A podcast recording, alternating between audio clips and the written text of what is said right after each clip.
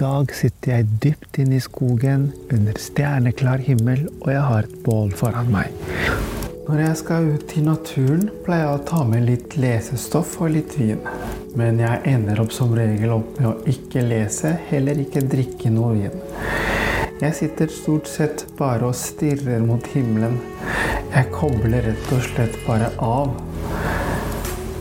Jeg har gleden av å stenge verden for én eller to dager. De fleste av oss som er mye ute i naturen, kan nikke oss gjenkjennende Fridtjof Nansens tanker om hva du kan erkjenne en mørk natt ute i skogen.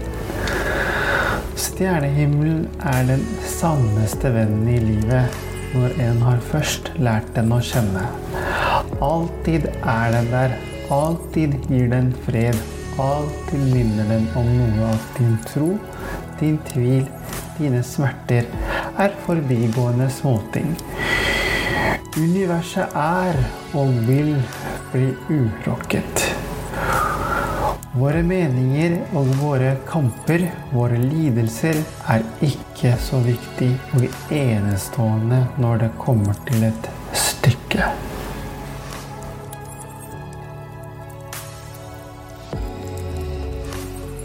Det er mange som pleier å spørre meg er ikke det ganske ensomt å sitte helt aleine dypt inne i skogen? Da pleier jeg å svare vel, hvis du sitter helt aleine og du føler deg ensom, da er du i dårlig selskap. Og så pleier jeg å tvinge fram en smil. Jeg pleier som regel å få tilbake en merkelig blikk.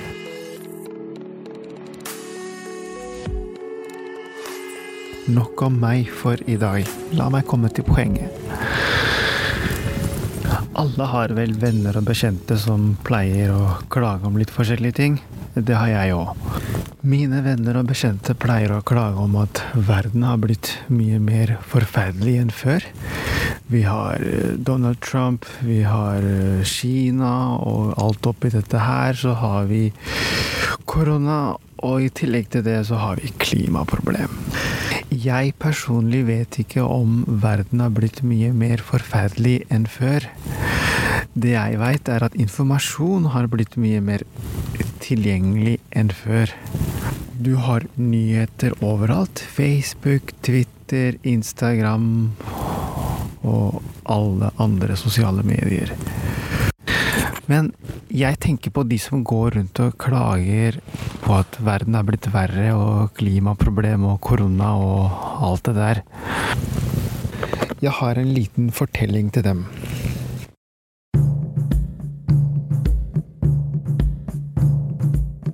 En varm dag i jungelen begynte det å brenne.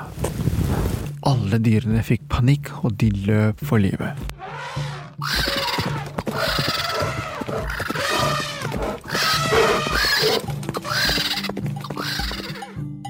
Etter hvert samlet dyrene seg utenfor skogen og så at hjemmene deres brant ned. Det var utrolig trist. Det var en utrolig forferdelig dag for alle dyrene. Mens alle dyrene sto og så på at det brant, tenkte en kolibrifugl. Jeg skal gjøre noe. Han fløy det nærmeste innsjø og samlet vann i den lille nebben sin og fløy tilbake til skogen og spyttet ut det vannet han hadde klart å samle. Sånn gjentok den flere ganger, og den prøvde å gjøre det fortere og fortere og fortere. Etter hvert så ble dyrene utrolig irritert av å se på den lille fuglen fly fram og tilbake.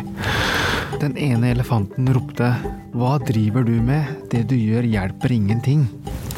Da svarte den kolibrifuglen 'Men jeg gjør det jeg kan'.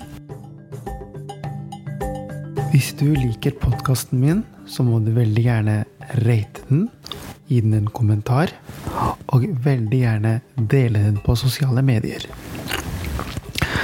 Hvis du vil kontakte meg, kan du sende meg mail tankevekkeren at gmail.com.